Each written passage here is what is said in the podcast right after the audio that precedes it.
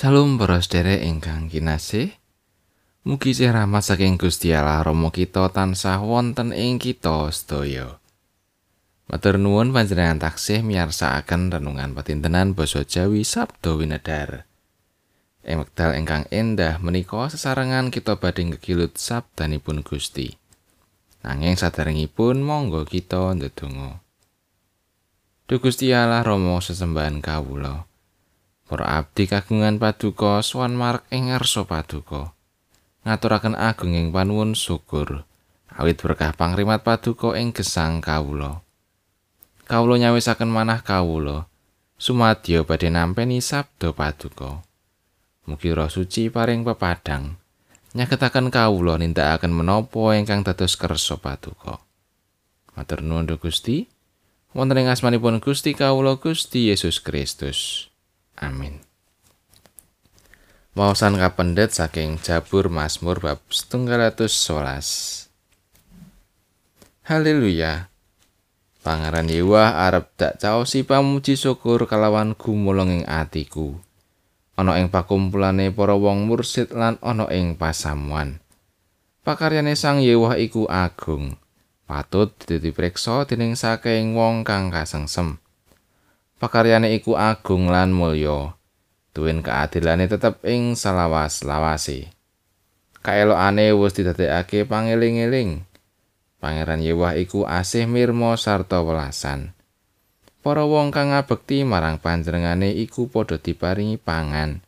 Prajanjane diengeti ing salawase daya kegiataning pakaryane wis ditedahake marang umate padha diparingi tanah pusakane para bangsa pakaryaning astane iku kabeneran lan keadilan. Saking perintah iku padha kena diugemi. Salawas-lawase lan ing sateruse kukuh katindakake kalawan bener lan jujur. Umate pinaringan pangentasan. Gusti Allah dawuh supaya prajanjane iku kanggo ing salawas-lawase. Asmane iku suci sarta gegirisi. Pangabekti marang Pangeran Yewah iku wiwitaning kawicaksanan. Sarupaning wong kang lakoni iku padha duwe budi padhang. Pangalembono marang Gusti Allah iku langgeng ing salawase. Makaten pangandikanipun Gusti ayat na saking ayat setunggal. Haleluya. Pangeran Yewah arep dak caosi pamuji syukur kalawan gumulong ing atiku. Ana ing pangkumpulane para wong mursid lan ana ing pasamuan. Bab kadiwasan menika mboten saged dipun ukur saking kathahing umur. Wonten tiyang ingkang umuripun sampun kathah, ananging anggenipun mujudaken sikep tasih kados lare alit. Makaten ugi ing gesang karohanen. Kadiwasan mboten saged dipun ukur kanthi ningali umur. Ananging kadiwasan menika dipun tingali lan dipun ukur lumantar sikepipun nalika ngadepi perkawis-perkawis ing gesangipun. Jabur Mazmur 111 nelakaken setunggaling sikap ingkang dipunwujudaken dening juru Mazmur. Juru Mazmur tansah berjuang mujudaken raos syukur awit saking pakaryan, kamirahan, lan kasayananipun Gusti Allah ingkang tanpa kendhat. Raos syukur menika dipunwujudaken kanthi ngluhuraken asmanipun Gusti kanthi gumulunging manah. Ngabekti dumateng Gusti Allah lan pitados dumateng pangrimatipun Sang Yewa. Menapa ingkang sampun dipun wujudaken dening juru Mazmur menika paring petuladan. Ing pundi sampun samesinipun saben tiyang menika ngunjukaken panuwun syukur awit saking pakaryanipun Gusti Allah ingkang adi. Mujudaken panuwun syukur ing gesang menika asring kaanggep gampil-gampil susah.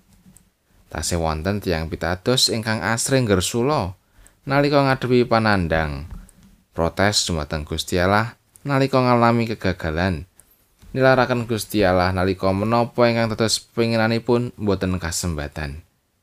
Kamangka sikap-sikap menika dados nedahaken bilih tiyang menika dereng diwasa ing iman kapitadosanipun kanthi ngatosaken lan ngraos-ngraosaken pangandikanipun Gusti menika sumangga sinau dados pribadi ingkang diwasa. Boten namung ing tata kajasmanen ananging ugi ing tata karohanen Bab menika kita wujudaken kanthi tansah saos syukur. boten gersula nalika ngadepi panandang lan ngluhuraken asmanipun Gusti ing sadengah kawontenan ing gesang kita amin